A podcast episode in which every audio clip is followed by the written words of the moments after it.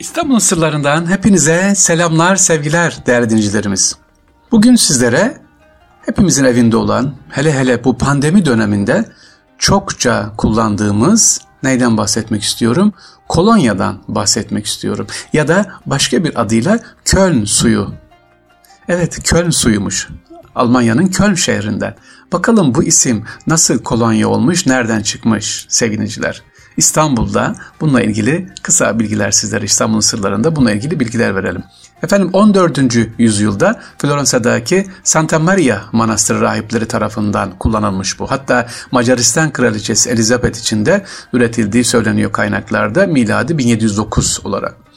Parfüm üreticisi İtalyan firması Florence gezisinde Macar suyu olarak bilinen bu kraliçenin suyunu formülü keşişlerden öğreniyor. Almanya'ya dönüp karışımın içerisine de limon, portakal ve bergamot gibi esanslar ilave ediyor.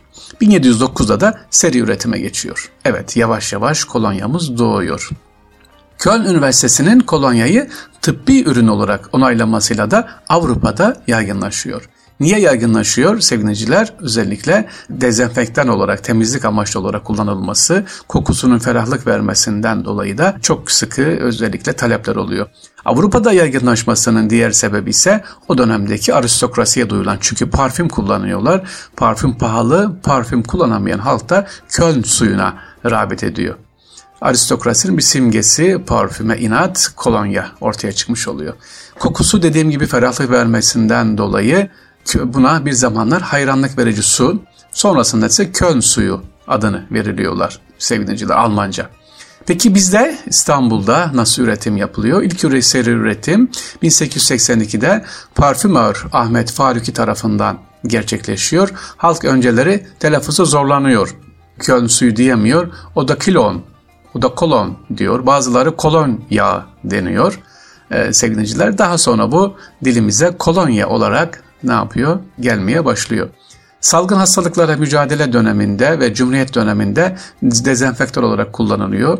Ee, özellikle eve gelen misafirler, hastaya ilk gelen hediyemiz nedir? Kolonya, kolonya, kolonya sevgiliciler. Ee, bizde işte kolonyanın ilk tarihi neymiş? İlk defa buradan başlıyormuş ama aslı Köln suyumuş değerli dinleyiciler. Başka İstanbul'da kolonya ile ilgili neler var? İstanbul'da kolonya üretimi, kolonya hediyesiyle ilgili. Sevgili dinleyiciler, 2. Abdülhamit Han döneminde ülkemizde kolonya artık üretilmeye başlanıyor.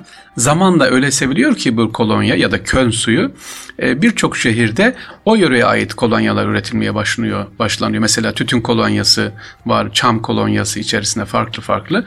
E, Osmanlı'da gül suyu ve çeşitli çiçeklerden aromalı kokuları kullanmak zaten bizde önemliydi.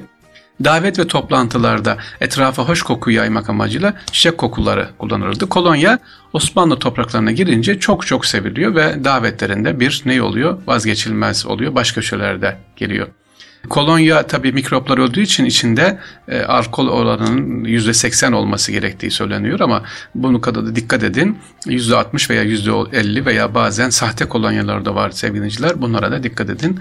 E, bunlar da zararlı. E, nerelerde var? Antalya'nın mesela turunç, Rize'nin çay, Düzce'nin ceviz yaprağı ya da tütün, Trabzon'un fındık, Amasya'nın elma, Isparta'nın gül, Ayva'nın zeytin çiçeği, Gaziantep'te biber ve fıstık bunlar her yöreye ait sevgiliciler kolonya çeşitlerimiz de var. İstanbul'un sırlarında sevgiliciler sizlere kolonya ya da Köln suyunu anlattık. Tarihin nereden geldiğini söyledik. Demek ki Köln suyu yamanla dilimize değişerek kolonya olarak gelmiş. Değerli dinleyicilerimiz, şimdi de bir deyimi açıklayacağım. Özellikle çok kullanılan bir deyim. Nedir o deyimimiz? Ee, Abbas yolcu var ya, Abbas yolcu bağlasan durmaz diye geçiyor ya. Bakalım. Abbas bağlasan durmaz. Abbas yolcudur bağlasan. Ne demek bu Abbas yolcu? Onun bir hikayesini anlatalım. Ki esas ismi aslında Abdullahoğlu Abbas. 1800'lerin sonu 1820'lerin başında tahminen doğmuş. İsfahanlı yani İranlı kendisi Hindistan, İran, Arabistan ve Mısır, Kafkasya'ya gezerek görmüş bir gezgin. Hakkında çok fazla bilgili olmasa da bu Abdullahoğlu Abbas kuşaktan kuşağa aktaran Abbas yolcu deyimindeki e, Abbas bu.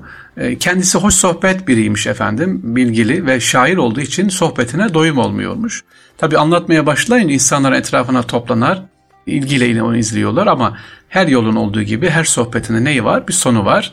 Sohbete devam edelim biraz daha biraz daha diye isyan eden dinleyicilerine kendisi yok efendiler yolcudur Abbas bağlasan durmaz diyerek kendisi yoluna devam edermiş.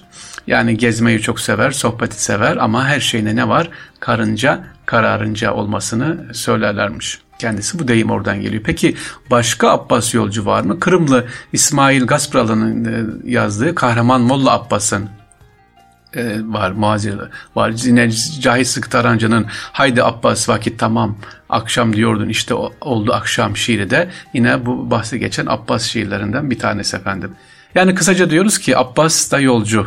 Ne demek nereden geçiyormuş? Aslı nereden geliyormuş? Değerli dinleyiciler 1820'lerde ee, doğan tahmin olarak Abdullahoğlu Abbas e, gezgin İstanbul'a gelmiş kendisi ve Abbas yolcudur deyimi bize oradan gelmiş.